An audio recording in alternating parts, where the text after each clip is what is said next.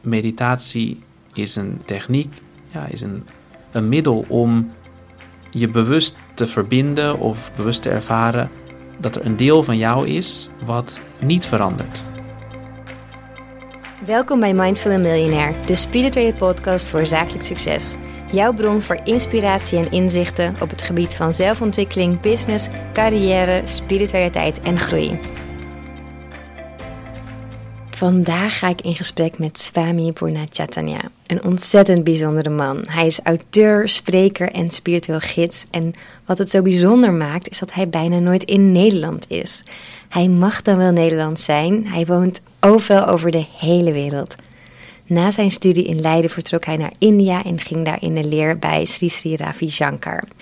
Die heeft hem uiteindelijk ook benoemd tot Swami, een spiritueel meester, een soort monnik. En hij is als enige westerling als Swami benoemd door deze guru. Super bijzonder dus om hem in de studio te hebben. En dat allemaal ter ere van zijn nieuwe boek Vind je innerlijke kracht. Swami werd door Penguin India al gevraagd een boek te schrijven. Dat werd een mega bestseller. Maar nu is er dus ook een boek in zijn moedertaal. Onwijs veel zin om met hem in gesprek te gaan. Welkom. Super tof om jou hier te hebben ter ere van je boek. Ja, ik vind het ook heel erg leuk, Steffi. Ja, want jij bent Nederlands. Ja. Maar eigenlijk misschien bijna inmiddels niet meer. Ja, nou ja, ik heb natuurlijk al nu, wat is het, al meer dan 15 jaar woon ik in India. En ik reis over de hele wereld, maar niet zo vaak in Nederland. Nee. Dus, uh, nee, het is heel speciaal om jou hier te hebben. Ja, nee, ik vind het ook heel erg leuk. Ja, ja, dankjewel. Nee, ik vind het een geweldig mooi boek en het onderwerp meditatie al helemaal. Maar vertel, want jij bent eigenlijk een monnik. Ja. Hoe is het allemaal zo gekomen? Het is natuurlijk heel bijzonder eigenlijk als Nederlandse jongen ja, het is die niet hier opgroeit en studeert. Ja, precies. Ja, nou, ik had vroeger als kind al heel sterk toch een drang dat ik iets, iets meer bij wilde dragen. Dus ook als kind weet ik nog, als mensen dan zeggen van nou, wat wil je worden en of wat wil je later gaan doen. Sommige mensen hebben dan iets, oh, ik wil een Ferrari of ik wil een groot huis of ik wil advocaat worden of zo. En ik had altijd meer zoiets van, ja, ik wil eigenlijk wel met pensioen. In de zin van niet dat ik dus niet wil werken, maar dat, dat gevoel van je hebt alles gedaan wat je eigenlijk te doen hebt. En dan kan je wat bij gaan dragen. Dus ik had ook eh, heel sterk zoiets van, nou, hoe kan ik ja, toch iets nuttigs doen of mensen helpen om me heen. En uh, ik had ook toch een hele sterke interesse ook voor de Oosterse tradities eigenlijk. Ik deed verschillende vechtsporten. Maar ook meer om, om dat aspect. Dus dat hele ja, idee van discipline, een traditie, uh, dat een beetje dat spirituele aspect, hè, meditatie, ademhalingstechnieken. En hoewel dat in de vechtsporten heel oppervlakkig was eigenlijk, toch vaak, ja, was het wel iets waar ik toch naar op zoek was. En toen ik 16 was, heb ik in Amsterdam, in de beurs van Berlage, heb ik Sri Sri Ravi Shankar ontmoet, een spiritueel meester uit India. Ja. Mijn moeder hoorde dat hij daar een lezing zou geven en uh, die leek er heel interessant, dus die vroegen of wij ook mee wilden, ik en mijn broertje. En ik had zoiets, ja, ik heb nooit een spirituele meester uit India ontmoet. Het klinkt heel exotisch en, en magisch. Dus ik denk, nou, dat wil ik wel, uh, daar wil ik ook heen. En toen ik hem daar ontmoette, was het ja, toch een hele bijzondere ervaring. Ik weet nog dat wat hij vertelde was ergens heel simpel. In de zin van helemaal geen ingewikkelde woorden, helemaal niet uit de hoogte. Maar wel heel, ja, hele diepe wijsheid. Dus heel toegankelijk. En hij leidde er ook een meditatie. Dat was als deel van die lezing en ja, dat voelde als twee, drie minuten, maar er waren het 25 minuten voorbij. Wow. Dus voor mij was dat echt zoiets van, oh, ik heb eindelijk iemand gevonden die dit echt helemaal beheerst en die dat kan delen, die dat, die dat mij kan leren. En ja, ik ben ook opgegroeid met films als hè, Star Wars en Karate Kid en zo. Dus dat idee van een meester hebben had me altijd al aangesproken. Maar ja, ik dacht, dat is niet iets van deze tijd. Nee. Dus toen ik hem daar ontmoette, had ik zoiets van: Oh, ik wou eigenlijk wel dat ik in India geboren was, want daar heb je dit soort dingen blijkbaar nog. Maar ik ben toen wel wat van de programma's van de organisatie Art of Living, die hij heeft opgericht, uh, ben ik gaan doen. Uh, ik was toen 16 en dus wat meer over ademhalingstechnieken geleerd, yoga, toen meditatie. Ze hebben ook een meditatiecursus. En toen had ik zoiets van, ja, ik wil hier nog meer over leren. En ik heb hem toen, Sri Shankar, een paar keer ontmoet. Als hij weer naar Europa kwam, was er een meditatieretreat of iets dergelijks. Maar ik had dus na mijn studie zoiets van, nou, ik wil echt dit veel meer verkennen, meer de diepte in. En toen ben ik naar India gegaan. Ik denk, ik ga een jaar uh, of zo naar India. Om uh, nog wat meer gevorderde programma's te doen. En ook een leraar te worden voor dit soort programma's. Want dat leek me toch ook een hele mooie en nuttige manier om mensen te helpen. Want ik zag dat mensen er gewoon heel veel aan hadden. Maar na één of twee jaar in India had ik zoiets van ja, ik wil niet meer terug naar mijn gewone baantje. Want we hebben daar ook allerlei ontwikkelingsprojecten. Dus ik had daar een platform gevonden waar ik dus helemaal ja, mezelf kon toewijden aan ja, dienstbaar zijn voor mensen, voor de wereld. Of het nou de natuur is of mensen die arm zijn of geen toegang hebben tot onderwijs of nou ja, wat dan ook. Ze hebben allerlei projecten. En tegelijkertijd was het een mogelijkheid voor mij om toch nog steeds meer die, ja, die eeuwenoude kennis mijn eigen te maken, dat te ervaren. Meer te leren over meditatie, mantra's, yoga, de ademhalingstechnieken. Ja, die hele Vedische traditie. Dus ik voelde echt alsof ik mijn, uh, ja, mijn plek had gevonden. Thuis kwam. En blijkbaar vond hij dat ook. Dus na een aantal jaar heeft hij mij ook, ja, dat is een hele eer, heeft hij mij ook ingewijd als een van zijn swamis. Een swami is dan een, een monnik van de Vedische traditie. En nou, dat was toen en nog steeds eigenlijk de, de enige westerse of, of niet-Indiase swami. Dus dat is natuurlijk ergens, ja, ik ben daar heel dankbaar voor. Ja. Ergens toch door het uh, net geglipt. Maar, uh, nou, niet door het net geglipt, denk ik. Gewoon heel erg ja. je best voor gedaan en heel erg dit willen ook, denk ik. Ja, en het toch ergens ook heel, ja, het voelt toch ook heel natuurlijk. Ja. Ergens, dat is toch heel herkenbaar. En, uh, ja, want jouw vader zei net al, wij wisten al, die komt niet meer terug. Maar wanneer wist jij zelf, oh, dit is het, dit is gewoon waarvoor ik ben gemaakt? Als ik heel eerlijk ben, was dat eigenlijk al voordat ik op het vliegveld, uh, Ja. voor het vliegtuig stapte. Want ik weet nog dat ik had besloten, nou ik ga een, een jaar dus naar India. In mijn Mhm. studie had ik afgerond in Leiden. En het voelde voor mij echt van, oké, één deel van mijn leven is nu klaar. Ik Ja. heb eh, gedaan wat ik te doen had. Weet je, bepaalde dingen worden toch verwacht. Het hoort er ook een beetje bij, is ook nuttig. Dus ik Mhm. had mijn, mijn studie afgerond. Maar ik had echt zoiets van, oké, dat deel is nu klaar. Dus ik had mijn appartementje opgezegd, mijn meubels verkocht, wat ik niet kon verkopen, weggegeven. Ja. Dus ik had twee, drie dozen met wat boeken en nog wat kleren bij mijn ouders thuis. En dat was het. En ondanks het feit dat ik dacht van nou, we gaan voor één of twee jaar. Maar ik had het helemaal niet gepland van oh, dan kom ik hier dus weer terug en dan ga ik dat en dat en dat doen. Dus het was een soort open einde. En ik weet nog dat op het vliegveld, nou, mijn tassen ingecheckt. En net voordat ik door de, nou de hè, hoe zeg je dat, security check ging, nog even natuurlijk iedereen gedag zeggen. En ik weet nog dat ik mijn moeder toen omhelsde en dat we zo naar elkaar keken. En het voelde voor mij echt van, nou niet dat het zeg maar een voorbij is, een gedag is voor altijd. Nee. Uh, maar het voelde wel echt van, nou één deel is nu klaar en ik ga echt nu een nieuw deel van mijn leven beginnen. Dus dat was ook wel een beetje een emotioneel moment. En ik stapte ook echt op het vliegtuig met dat gevoel van, oké, dit deel is klaar. En nu ga ik dus ja, dat nieuwe deel van mijn leven leven. En ik ben al een, twee keer eerder naar India geweest voordat ik er toen heen ging. Dus ik had wel een beetje een idee van hoe het was. Maar toen ik daar eerder heen ging, was het altijd zo, ondanks het feit dat het heel mooi en leuk was en ook wel een beetje avontuurlijk natuurlijk, waren er ook bepaalde dingen die je dan soms nog een beetje mist. Weet je, dat ik denk van, oh, weer lekker gewoon een boterham met kaas. Of uh, weet je, wat van die typische Nederlandse ja. dingen. En dit keer was het heel ja, bijzonder voor mij ook om te ervaren dat moment dat ik toen dus in India aankwam, voelde ik me eigenlijk nog veel meer thuis dan, dan hier. Niet dat ik me hier niet thuis voel, nee. maar het was zeg maar ergens zo, ja, zo natuurlijk, zo vertrouwd of herkenbaar.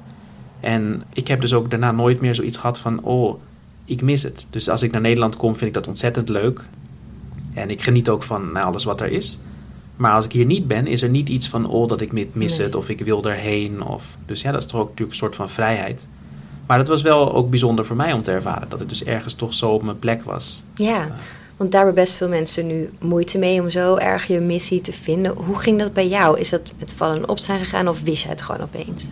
Nou, het ging eigenlijk heel uh, geleidelijk, maar heel natuurlijk. In de zin van, het is niet dat ik precies wist waar het heen zou gaan. Hmm. En kijk, als klein kind had ik al zoiets, dat sprak me heel erg aan om zeg maar als een soort van monnik te leven. In de zin van dat hele idee dat je maar heel weinig bezittingen hebt en rondreist en mensen helpt en zo. Ja. Dat leek me heel erg interessant. En ook die, hè, die quest van je eigen natuur uh, Hmm. zoeken, ervaren, hè, naar binnen gaan verkennen wat er nog meer is, behalve wat we allemaal gewoon zo met onze ogen kunnen zien. Maar het was eigenlijk, ja, altijd zo van, ik wist een beetje zeg maar, welke kant ik op moest. Dus ik had nooit gedacht dat ik inderdaad ja, zeg maar een monnik zou worden. Of dat ik zo'n uit mijn koffer zou leven en de hele wereld zo rond zou reizen. Maar zelfs nu bijvoorbeeld, ik heb geen flauw idee waar ik bijvoorbeeld over een jaar zal zijn. Ik heb de laatste twee, drie jaar veel tijd doorgebracht in Afrika. Want daar stuurde mijn meester me heen, dus daar hebben we ook van alles te doen. En er is ook echt van alles te doen, want ja, allerlei problemen ook voor mensen daar. Maar dat had ik ook nooit gedacht, dat ik opeens in Afrika zou zitten en dan 10, 12 landen rondgereisd. En op dezelfde manier heb ik dus geen idee waar ik me over een jaar zal bevinden. Dus het is niet dat ik precies weet waar ik terecht zal komen of wat het uiteindelijk zal worden. Aan de andere kant, ik heb wel elke keer van oké, nu ben ik hier en het is dan wel vrij helder wat, wat ik hier kan bijdragen, wat ik te doen heb. Ja. En bijvoorbeeld dit boek ook, ik had nooit verzonnen dat ik een boek zou schrijven. En toen ik een boek schreef, had ik nooit verzonnen dat het zo, zoveel mensen kon helpen. Hè. In India is het al een bestseller. Het Ja, wordt nu al in meer dan tien talen vertaald. Nederlands is natuurlijk heel leuk, want het is mijn eigen Ja. taal. Dus ik ben extra enthousiast over het feit dat het boek hier nu ook uitkomt. Zoveel goede feedback gekregen. En dan ja, moet je interviews gaan doen, ergens boeken signeren, dat soort dingen. Ja, dat is ook weer heel iets anders dan ik al die jaren heb gedaan. Ja. Maar ja, het kan wel weer zoveel mensen helpen. En in die zin is het gewoon van ja, alsof je op een, een weg rijdt en het is zeg maar een beetje mistig. Dus je kan niet het einde van de weg zien. Mhm. Maar je, kan, je ziet wel misschien 10, 20 meter vooruit. Dus in die zin weet je wel hè, of je naar links en rechts moet. Of... Dus ik heb, ja, ik, ik heb wel een idee. Ik zie wel een beetje wat er dus in de nabije toekomst aankomt. Die intuïtie is sterk genoeg. Dus Ja. dat zie ik dan wel. Maar ja, waar het dan over echt heel veel jaren heen gaat. Ik heb wel een beetje een idee, maar we zien wel of het inderdaad zo is of niet. Ja, wat is jouw idee? Wil je dat met ons delen? Nou, nee, dat is sommige dingen. Kijk, intuïtief merk ik toch dat steeds meer, dat wordt toch steeds helderder. Dus je hebt wel een beetje een idee van waar het misschien heen gaat. Maar dat zien we dan wel. Spannend. Ik zie je wel helemaal sparkelen, dus dat is een goed teken. Ja, want je hebt dit boek geschreven omdat we ook nu eigenlijk uit een heel lastige tijd komen, corona. En ja, daar schrijf je ook veel over. Het is gewoon een gekke tijd, een gekke wereld. En daar moeten we niet altijd buiten ons kijken, maar ook meer binnen ons. Hoe helpt mediteren daarbij? Ja, ik denk, want ik ben dus met dit boek begonnen eigenlijk net aan het begin ook van de pandemie. Ja. Ehm, toen dat idee voor dat boek omhoog kwam, toen Penguin in India mij daarvoor benaderde, was er nog geen pandemic. Dus dat was een toeval eigenlijk. Ja, of juist misschien niet. Maar het werd gewoon alsnog eh, veel relevanter natuurlijk. Het idee was, en het is natuurlijk nog steeds zo, we zien toch dat de wereld heel veel verandert, steeds sneller. De laatste twee jaar waren natuurlijk bizar. En we zien nog steeds, als je ook nu naar Europa kijkt, er zijn zoveel dingen die, ja, die we nooit hadden verzonnen of aanzien komen.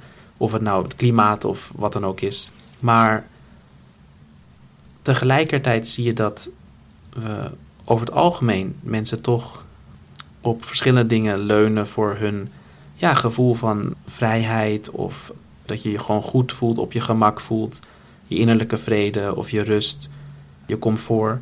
En omdat die dingen buiten liggen, kan dat dus altijd veranderen. En soms duurt het langer, soms gebeurt het misschien niet. Maar het kan wel elk moment gebeuren. Of het nou je gezondheid is, of je baan die je misschien opeens kwijt bent of niet. Of je relaties, of de situatie in de samenleving, of wat dan ook.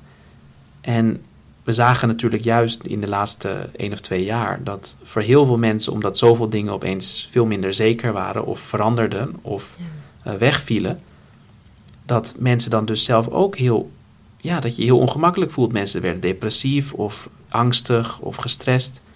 En omdat die dingen vaak niet of niet volledig in onze handen zijn, voel je dan ook heel hulpeloos. Want dat betekent het kan elk moment veranderen.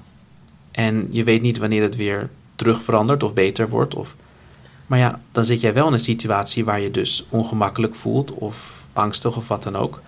En het mooie van meditatie is dat meditatie is een, een techniek, ja, is een, een middel om je bewust te verbinden of bewust te ervaren dat er een deel van jou is wat niet verandert. Want we hebben allemaal een deel van ons wat hetzelfde blijft. Een soort van referentiepunt. En eh, wat je het ook wil noemen, of het jezelf wil noemen, of je bewustzijn of wat dan ook. Je ziel. Maar er is een deel van ons dat niet verandert. En wanneer je dat bewust gaat ervaren, wanneer je daarmee kan verbinden, wanneer je ja, op dat niveau eigenlijk een tijdje kan verblijven, zeg maar, dan geeft dat je heel veel kracht en heel veel ja, rust en houvast wanneer de dingen om je heen veranderen. En ik denk, dat hebben we ook gezien in de laatste twee jaar, dat mensen zich steeds meer realiseren dat we eigenlijk nooit hebben geleerd hoe we met onze gedachten, onze gevoelens, emoties omgaan. En we zijn er ook helemaal niet goed in. Weet je, het is een, het is een disaster. Want als je ziet van ja, mensen, dat zag je ook tijdens die lockdown, dat mensen zitten dan opeens thuis en dan kan je je vrienden niet meer zien of je zit de hele tijd op mekaars lip of je kan niet naar je favoriete plek gaan of doen wat je wilt doen. Maar ja, hoe ga je daarmee om? Mensen werden depressief, mensen werden agressief, mensen werden doodongelukkig of relaties haalden het soms niet. Nee, je zat opeens met je eigen gedachten thuis. Precies, ja. En dan als je helemaal alleen zit, dat is voor mensen ook heel eng, want Mm. dat hebben we nooit geleerd. Ik bedoel, de meeste dingen die we doen om even te ontspannen, zijn eigenlijk niet dingen die ons echt ontspannen. Weet je, dat bijvoorbeeld, je denkt van, oh, je hoofd is een zootje, je hebt allerlei gedachten en soms voel je niet goed. Denk je, nou, ga even een filmpje kijken of muziek luisteren of wat dan ook. Maar dat fixt niet hoe jij je van binnen voelt. Nee. Het is alleen dat je even er niet bewust van bent. No? Hetzelfde van, ja, je kan even naar de bar hè, een biertje doen of drinken. Dan voel je misschien even niet zo ongelukkig. Maar daarna, als je weer wakker wordt of bent er weer, ja, dan zit je nog steeds in dezelfde soep eigenlijk. Ja. En dat hebben we dus nooit geleerd op school of thuis. Of... En dat is ook een van de dingen die mij zo heel erg aansprak. Ook in het begin al, dat ik dus ook met mijn vechtsporten en daarna waarom ik meer over meditatie wilde leren. Omdat ik me realiseerde van ja, als je niet leert hoe je echt met je geest effectief om kan gaan, dan is er dus geen garantie dat je ooit echt gelukkig zult zijn. Want je kan alles hebben. Je kan een miljonair zijn. Hmm. Je hebt het prachtigste huis, heerlijk eten, fijne mensen om je heen. Maar als jij ongelukkig of boos of depressief bent of angstig of gestrest, kan je er niet van genieten. En dat heb ik tijdens die lockdown ook gezien. Ik heb online sessies gedaan voor allerlei soorten mensen, inclusief top CEO's, corporates, YPO's. Ik kan de naam niet noemen, maar ook iemand die gewoon echt in de top 10 rijkste mensen in de wereld zit, officieel dan. Hmm. Dus ja, die heeft meer geld dan die überhaupt een hele familie ooit kan, zal kunnen uitgeven. Maar die hadden ook zoiets van, ja, ik wil toch nu heel graag leren mediteren. Want ja, die zit dan thuis en die was ook ongelukkig. Ja. En dan zie je hoe essentieel dit is. En ik ben dan misschien een beetje in de categorie van het andere extreem, waar ik misschien alleen een koffertje heb. Maar ja, dan zit ik dus in zo'n jungle. Maar dan voel ik me nog heel rijk en op mijn gemak en, en gelukkig. En ik heb dus ook gezien dat nu ook de feedback die ik dan heb, berichtjes die ik van mensen krijg, mensen die ik ontmoet, dat ze zoveel aan dat boek hebben en hebben gehad, gewoon om toch weer die innerlijke vrede te vinden, om of wat meer helderheid van nou, waar wil ik heen met mijn leven? Wat is echt belangrijk voor mij?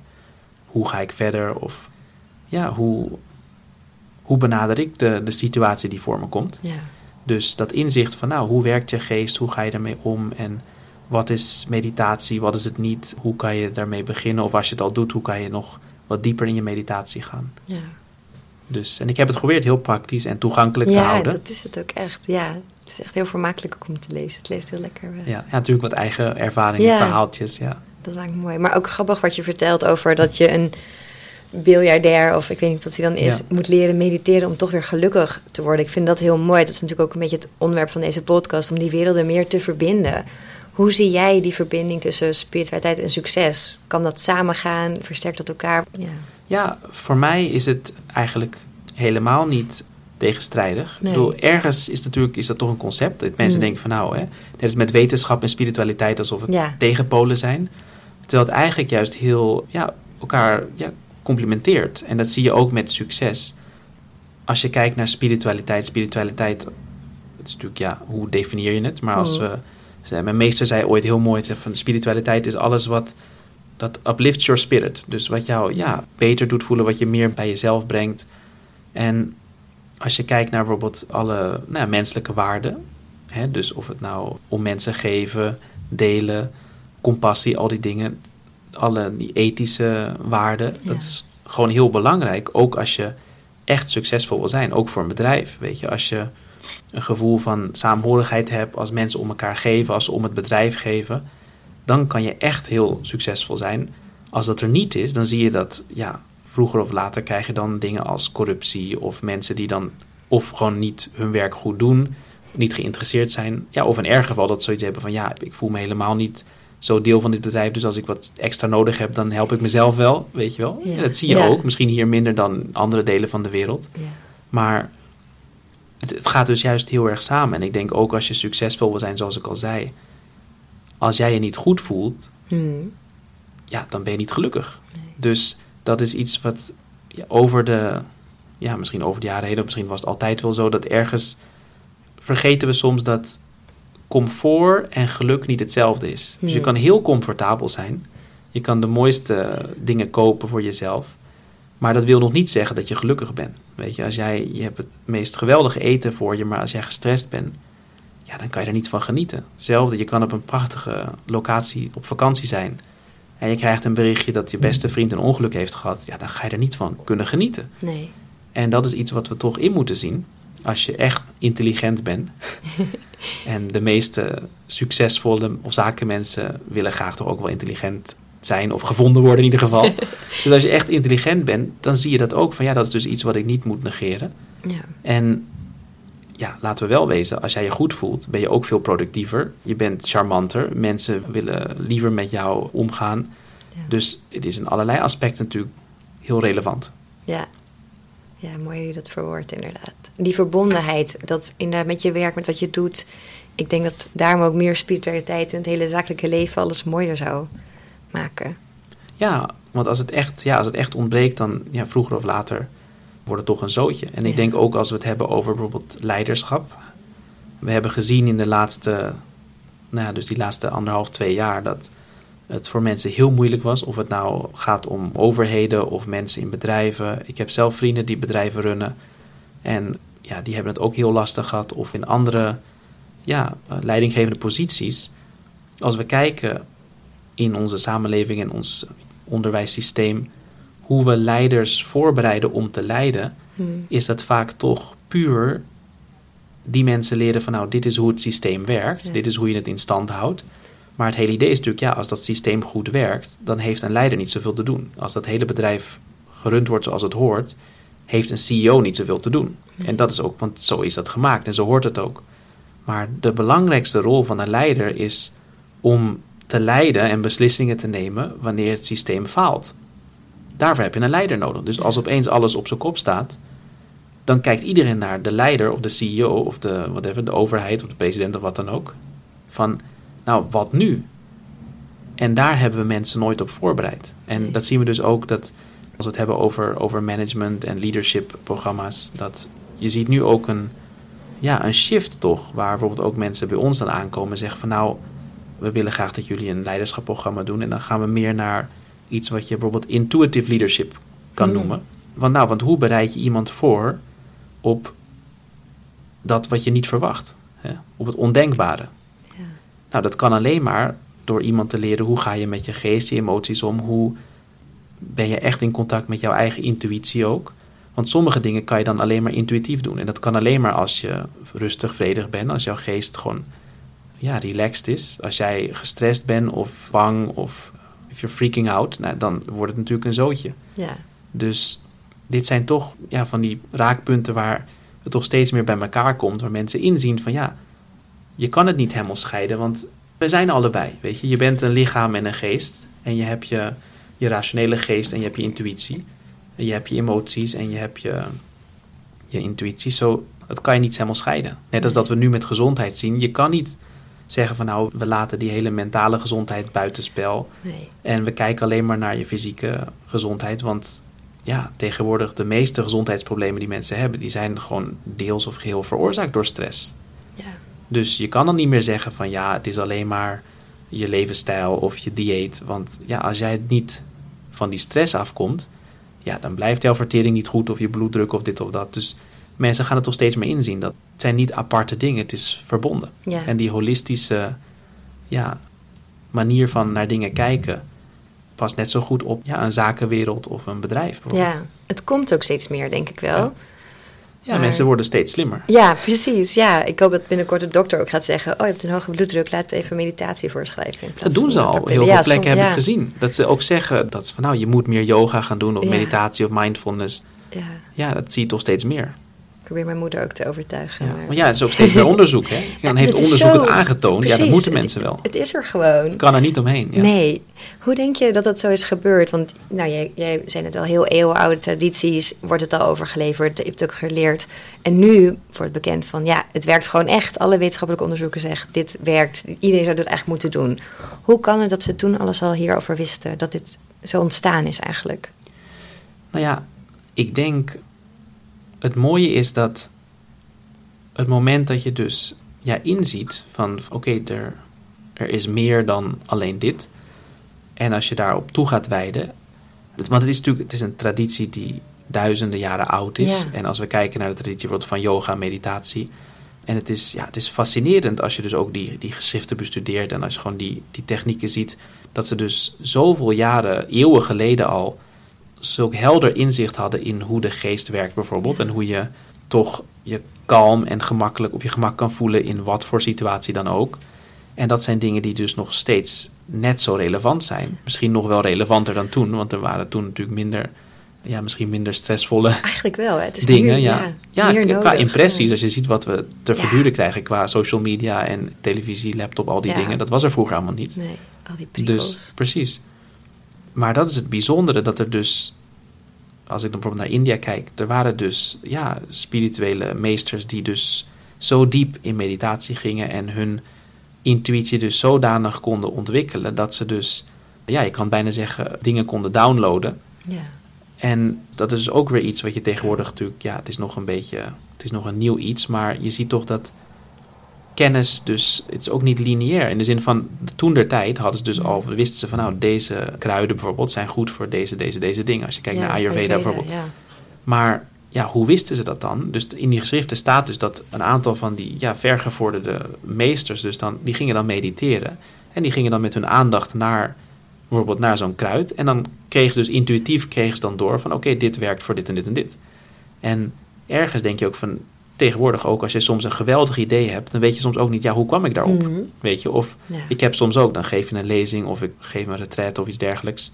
En iemand stelt een vraag en ik antwoord dat. En dan soms hoor ik het ook voor het eerst. En denk van, oh wauw, dat klinkt wel heel goed. Dus waar komt het dan vandaan? Ja. Dus we hebben eigenlijk zoveel meer, ja, we hebben toegang eigenlijk tot zoveel meer dan wat we ons realiseren. ja. En daarom zei ik al van ook dat intuitive leadership. En dan zie je dus van ja, hoe meer jij gecenterd bent, hoe meer jij toch ja, je kan verbinden met dat deel van jou wat, wat eigenlijk ja, eeuwig is, wat dus niet heel tijdelijk is, dan krijg je dus ook steeds meer ja, toch een bredere, ja, bredere visie. Ja. En heb je eigenlijk toegang tot, tot veel meer. Ja, mooi ook dat je dat intuïtie weer noemt. We hadden het net ook al over. En toch blijft het iets lastig. Want mensen vragen dan vaak, ja, hoe word ik intuïtiever? Maar ik heb geen antwoord. Heb jij, heb jij een antwoord of een inzicht? Ja, meditatie. Ja. Het, het klinkt heel flauw Stilte, misschien, ja. maar het is echt zo. Want kijk, normaal hebben we, zoals we al zeiden, je hebt zoveel gedachten en Ja. het meeste is helemaal niet relevant. Het is eigenlijk allemaal ruis. En in plaats van daar wat aan te doen, zetten we dan de tv nog wat harder aan of je muziek Hmm. nog iets harder, zodat je je gedachten niet hoort.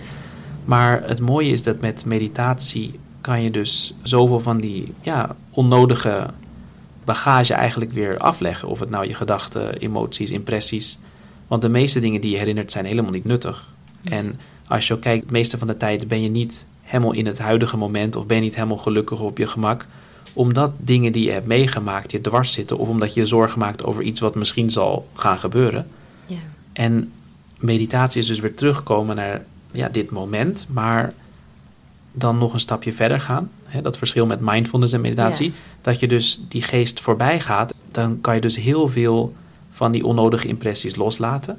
Dus het is een soort van ja, schoonmaken, zeg maar. Ja.